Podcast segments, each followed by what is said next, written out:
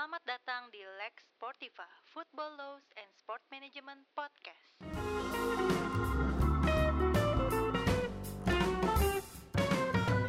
Siapa yang tidak tahu nama nama seperti George Mendes atau Mino Raiola atau kalau di Indonesia nama Gabriel Budi. Apa kesamaannya? Mereka adalah agent, football agent yang sangat sukses, sudah mendunia terutama karena mereka uh, George Mendes itu adalah agennya dari the one and only Cristiano Ronaldo.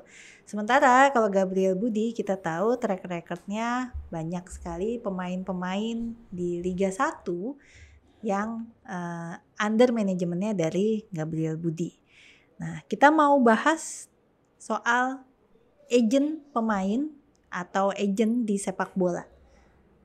Definisi soal agent memang uh, ada sedikit bukan perubahan ya, tapi ada terminologi yang namanya intermediaries. Nah, apa beda agent dan intermediaries? Ya, uh, sebelum kita masuk ke agent tadi, sebenarnya sepak bola itu bukan hanya player agent yang uh, diatur dan kita taunya memang selama ini karena melibatkan pemain jadi uh, player baik. agent lah ya, yang kemudian agent. di tahun 2014 itu FIFA merubah uh, nomenklatur atau uh, pengertian tentang agent itu menjadi intermediaries atau bahasa Indonesia-nya itu perantara sebenarnya. Ya. Tapi bukan maklar. Hmm. Tuh. Sebenarnya ada satu lagi uh, yang menggunakan agent atau kalimat agent di dalam uh, aturan atau regulasi di sepak bola yaitu match agent.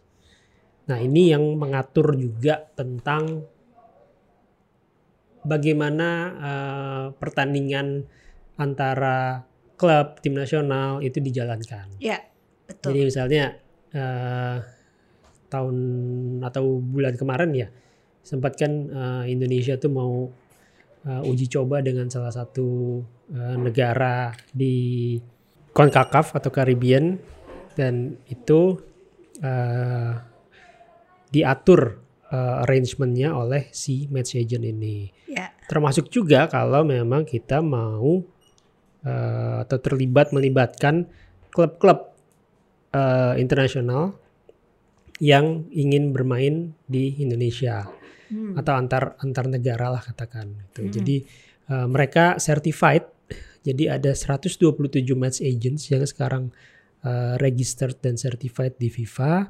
Nah, belum ada dari Indonesia. Uh, kebanyakan memang dari uh, Eropa, uh, Asia ada beberapa dua tiga negara karena memang persyaratannya lumayan uh, ketat ya. Untuk lumayan, jadi untuk match menjadi agent match ya? agent ini. Gitu. Oke. Okay. Nah, balik ke tadi intermediaries itu apa? Definisi dari intermediary adalah uh, ya gue sebutin pakai bahasa Inggris nanti kita uh, bedah bareng-bareng ya. A natural or legal person who for a fee or free of charge represents players and or clubs in negotiations with a view to concluding an employment contract or represents clubs in negotiations with a view to concluding a transfer agreement. Jadi poinnya di sini adalah dia orang natural person atau badan hukum yang uh, dibayar mendapatkan fee atau free of charge mewakili pemain dan atau klub. Nah ini ini uh, menarik juga karena selama ini kan kita tahunya hanya agent pemain, pemain kan. Orang, ya. Klub juga boleh menggunakan uh, jasa intermediaries ini dalam melakukan negosiasi, pekerjaannya adalah melakukan negosiasi untuk mendapatkan sebuah kontrak kerja. Hmm. Employment contract ini kaitannya dengan pemain atau mewakili klub dalam kaitan melakukan negosiasi untuk mendapatkan kesepakatan transfer. Jadi ini secara uh, detail pengertian intermediary itu apa. Hmm. Jadi uh, kenapa FIFA akhirnya merubah uh, nama intermediary uh, dari sebelumnya agent itu memang uh, ada pengaturan-pengaturan yang mau lebih diketatin oleh FIFA dalam hal memang transparansi dan juga integrity. Karena di sini uh, kita bicara natural or legal person, jadi sebenarnya bebas siapa pun selama dia memang mempunyai kecakapan dalam melakukan tindakan hukum, maka dia boleh jadi intermediary. Hmm. Nah, tapi memang uh, perbedaan yang sangat signifikan dengan aturan yang ada sebelumnya adalah dulu player agents itu ngikut ujian. Yeah. Ada tesnya untuk dapat uh, license, uh, license ya? untuk agent itu. Hmm. Termasuk kan di Indonesia pada saat awal-awal uh, liga profesional di 2008 dengan keran pemain asing yang uh, dibuka pada saat itu ya sekitar 11 atau 12 uh, dan mereka uh, sama seperti pelatih dalam periode tertentu mereka harus di renew uh, license-nya. Nah, intermediary yang sekarang ini tidak ada tes. Hmm. Jadi uh, apa ya? Status mereka dalam sebuah uh, negara atau member associations atau federasi itu diatur oleh masing-masing federasi. Hmm. Nah, di sini juga mungkin perlu pertanyaan juga kepada federasi kita, apakah uh, aturan tentang intermediary ini sudah ada? Ya tadi kan sempat tersebut satu nama itu. Kita nggak tahu juga, mungkin ada beberapa agent atau sub agent atau yang mengaku sebagai agent pemain yang mewakili pemain, uh, kemudian dia bisa bernegosiasi dengan Eh, banyak pihak ya termasuk klub-klub itu sendiri. Nah sebenarnya job desknya agent tuh seperti apa sih? Ya sebenarnya uh, pekerjaannya ya tadi kan represents uh, players atau clubs. Hmm. Jadi sebenarnya kalau di hukum nih bicara hukum itu lawyer lah. Hmm. Itu dia uh, dari sisi kepentingan untuk melindungi dan melakukan negosiasi sampai kepada proses finalisasi kontrak. Tuh. Setelah itu, setelah kontrak uh, ditandatangani oleh para pihak, pemain dan klub, maka dia juga sebenarnya nggak boleh lepas tangan gitu aja karena biasanya udah dapat fee terus ya udah gue dapat fee, yeah. terus gue ya udah gue senang-senang dulu gitu. Nah pada saat si pemain punya masalah, dia juga harus merepresent uh, si pemain itu dalam uh, urusan sengketa dengan uh, pihak yang uh, bersengketa itu. Nah ini yang menarik karena di Indonesia memang kebanyakan agent tuh jadi lebih kayak broker ya, uh, bukan agency gitu. Jadi jadi memang ya benar tadi kalau diurus cuman ketika sudah deal biasanya kan udah dapat persenan gitu ya dari transfer dealnya berapa terus udah nggak mm -hmm. diurus gitu. Memang beberapa kali ketika di klub juga mengalami yang paling kasihan tuh sebenarnya pemain asing ya karena mm -hmm. biasanya tuh yang paling kasihan ketika kontrak sudah mau habis mereka harus pulang mereka mau pulang ke negaranya nah agennya tuh biasanya udah udah kabur tuh udah nggak ada. Jadi hmm. mereka kadang nggak tahu kayak dibiarin sendiri untuk bernegosiasi lagi sama klubnya untuk ini gimana? Masalah tiket pulang dan segala macam yeah. masalah apartemen yang mungkin akan ditinggali nanti kalau dia pulang terus balik lagi ke sini dan segala macam itu kan ya uh, pengalaman memang akhirnya dari klub sendiri malah yang jadi kelimpungan juga. Padahal kan itu harusnya jadi job desk agentnya juga ya. Hmm Hmm. Kayak karena uh, standar profesional uh, players contract hmm. itu yang FIFA uh, wajibkan untuk semua klub membuat itu terhadap semua member association FIFA termasuk Indonesia itu salah satunya harus ada tanda tangan intermediaries jika si pemain ini punya intermediaries hmm.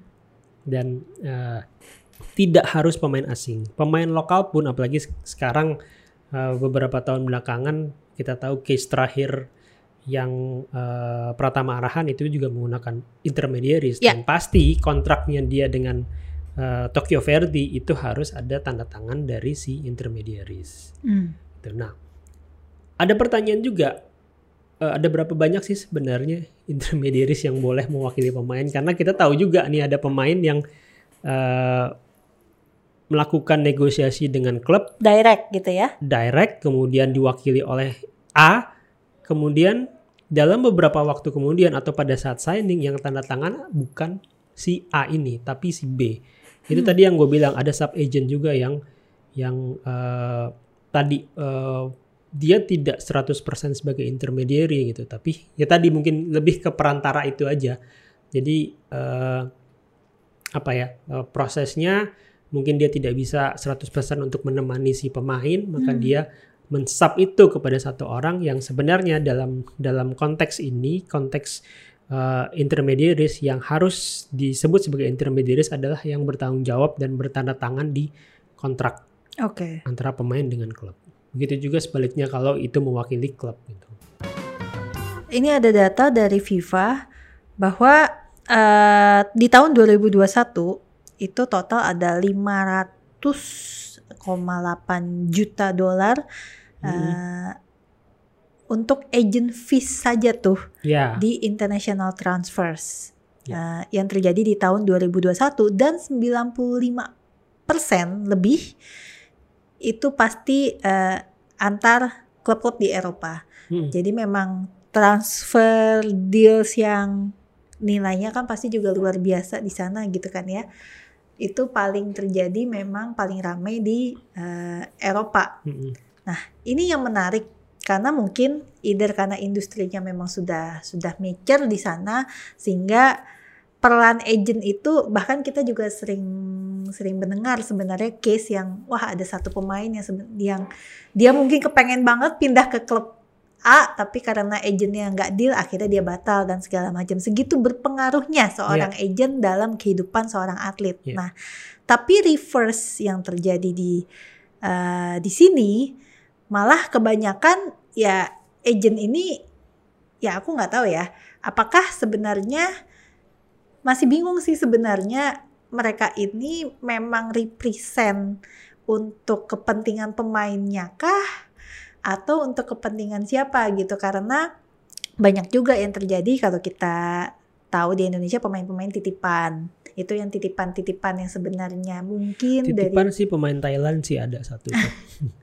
mungkin dari owner tapi karena nggak mau kelihatan jadi dia menunjuk seseorang untuk jadi agent untuk bisa uh, memuluskan deal. Padahal tuh agentnya orangnya dia dia juga gitu. Nah ya kebanyakan kan praktek yang di Indonesia yang terjadi seperti itu tuh. Bahkan ada satu agent yang legend banget namanya yang sudah dikenal juga sama semua klub pasti kenal dia. Nah itu yang itu yang sering sering dilibatkan untuk uh, masuk-masukin pemain gitu. Wah ini pemain-pemain siapa dan segala macam kalau di kalau ditarik benang merahnya oh ternyata sebenarnya eh, pemainnya bos-bos itu lagi gitu. Tapi agent-agentnya aja nih yang sebenarnya jadi kayak anak buahnya nih. Itu sebenarnya fair apa enggak sih Iya, fair atau enggaknya balik ke si pemain atau Hmm. si klubnya. Dan memang eh, kita nggak bisa juga menyalahkan keadaan yang terjadi di Indonesia karena secara aturan ini belum diatur secara detail kan.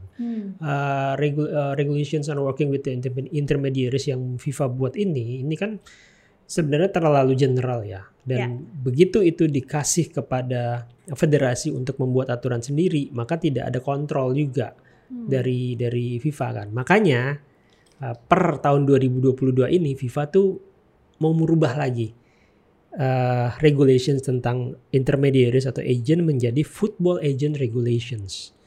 Jadi uh, mungkin di tahun ini setelah kongres uh, FIFA ini kalau nggak salah akhir bulan ini ya uh, itu akan di kalau disetujui di kongres maka itu bisa bisa berlaku FIFA uh, football agent regulations yang intinya adalah tiga hal yang uh, diharapkan oleh FIFA sebagai regulasi baru itu pertama bagaimana menjadi seorang football agent yang tadi yang fair dan yang memang punya strong position yang um, proteksi pemain dan pemain merasa uh, aman untuk uh, apa ya menyerahkan lah tanda petik hidupnya dia kepada si agent ini. Yang kedua uh, acting dia uh, sebagai si football agent ini.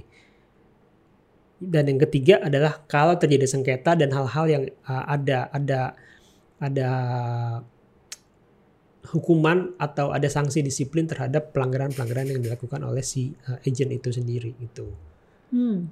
Jadi memang uh, agak jauh ya kalau kita uh, membandingkan dengan uh, Eropa dan nah, bahkan uh, tren nih atau fenomenanya belakangan ini ada banyak klub yang dalam uh, beberapa agent yang tadi yang sebutin namanya itu itu agak keberatan. Bukan karena kemauan si pemain sebenarnya tapi gua harus ngebayarin fee agent atau agent fee-nya ini lebih gede daripada yang harus gua bayarin buat si pemain gitu. Tapi kan itu uh, wajar-wajar saja once si agent atau si pemain sudah menunjuk agent sebagai representatif yang uh, legal untuk si pemain. Ya, perubahan regulasi tadi juga ada uh, termasuk masalah angka-angkanya yang akan didapat oleh Ya. agent ya. jadi ada cap nanti Uh-uh. Jadi dibatasin eh ya bocorannya kan ada 3% dan maksimal 10%. 3% untuk Tiga yang persen dari gaji. 3% dari gajinya, 10% dari uh, Transfer transfer fee-nya. Ya. Nah, Ya. padahal sebenarnya teman-teman, agent itu paling banyak memang dapatnya itu dari yang bulanan-bulanan ini nih, Mm-mm. gitu. Mm. Ah, memang kebanyakan kalau ikut nature-nya di Indonesia, di Indonesia itu rata-rata transfer fee pemain tuh kadang bisa gede ya. Makanya kebanyakan kalau baru awal musim tuh pemain-pemain banyak tuh yang bisa langsung beli mobil gitu, begitu deal sama klub gitu. Ya Mobil memang baru, ya, istri kalau baru. kalau kita kita kita baca kan FIFA tuh keluarin setiap tahun yang uh, professional football uh, departemennya itu kan uh, global transfer report. Ya. Kalau kita buka tentang Indonesia itu angkanya sangat-sangat uh, kecil. Nggak tahu apakah ini memang FIFA tidak mendapatkan data yang valid atau memang ini ada semacam ketertutupan nih di antara di antara klub-klub di Indonesia atau memang memang tidak pernah terjadi ada transfer dengan nilai tertentu yang dilakukan oleh klub itu. Itu sebenarnya karena dokumen yang diupload ke FIFA biasanya bukan dokumen yang sebenarnya sih. Eh, ya kan itu menyangkut kerahasiaan juga kan tidak semua eh, dokumen itu bisa di di dipublish kepada Ah. ya kalau kepentingan FIFA untuk dapetin data seperti itu ya pasti officialnya pasti akan disampaikan ke federasi dan federasi Ya. sampaikan ke klub gitu. Dan ada sebenarnya ada ada juga eh, masalah yang ini selalu terjadi di Indonesia ya terutama ya pemain itu kalau lihat kontrak itu pasti yang dilihat hanya halaman yang isinya nilainya. Dia nggak pernah uh, baca detail. Nah ini ini sebenarnya fungsinya si intermediaries atau agent itu. Dia yang harus memberikan input atau masukan yang itu tidak merugikan si pemain. Jadi Hmm. ada banyak kasus yang memang munculnya itu ternyata tidak secara detail eh, teliti pemain itu membaca kontrak ya mungkin apalagi eh, pemain yang baru mendapat kontrak profesional pertamanya lah katakan Ya. begitu nilai lihat nilai yang dua digit tiga digit itu langsung oke saya sign padahal ada banyak hal yang sebenarnya harus dinegosiasikan harus dibicarakan sebelum memang benar-benar menandatangani kontrak dan fungsinya agent salah satu fungsi utamanya adalah untuk melakukan itu. Berbicara tentang pemain sebenarnya di usia berapa pemain baru boleh uh, di punya agent? Tidak ada batasan yang eh, pasti ya aturan karena eh, yang diatur sebenarnya kita kita udah bahas yang di eh, RSTP sebelumnya kan transfer of minors itu kan under 18 ya. Ya. Pada saat itu. Jadi tapi tidak ada ya aturan yang memang eh, menjelaskan secara rinci umur berapa seorang eh, pemain itu boleh me- menandatangani kontrak dengan intermediary karena intermediary dan pemain sendiri itu ada draft kontraknya juga gitu dan ada standar kontraknya Hmm. yang FIFA buat juga. Kalau dilihat-lihat kan jadi agent nih kayaknya uh, bisnis yang menguntungkan ya. Sebenarnya langkah pertama harus ngapain untuk bisa jadi agen pemain? Iya harus punya kontrak dulu dengan pemain kan. Dan dia harus punya link yang cukup luas ya. Eh, dia menentukan juga pasarnya mau pasar mana nih, mau pasar lokal atau pasar internasional kan. Gitu. Hmm. Dan yang pasti dia harus punya kontrak dengan si pemain. Dan eh, harus punya good faith lah. harus punya itikat baik juga ya. Jadi tadi kayak oke lah ini ini sebuah pekerjaan ya pada akhirnya intermediaries atau agent ini menjadi sebuah pekerjaan tapi kenapa hanya agent-agent tertentu yang yang punya nama di luar dan itu bisa bertahan bahkan bisa sangat uh, punya power ya ya karena memang uh, mereka punya semuanya itu dan paham tentang apa yang harus mereka lakukan. Hmm. ini kan it's all about trust juga kan pada saat sama gitu pada saat kita punya uh, masalah kemudian kita memilih seorang lawyer yang qualified atau tidak gitu. Itu kan kita juga bicara bicara trust di sini pada saat ketemu apa yang bisa mereka jamin juga. Kita juga tahu ada banyak banyak orang yang tanda petik mengaku sebagai agent yang kemudian menjanjikan banyak hal kepada pemain-pemain yeah, apalagi pemain-pemain muda kan gitu. Yeah ya nggak perlu kasih duit tapi kasih sepatu aja kadang si pemain itu sudah udah sudah seneng gitu.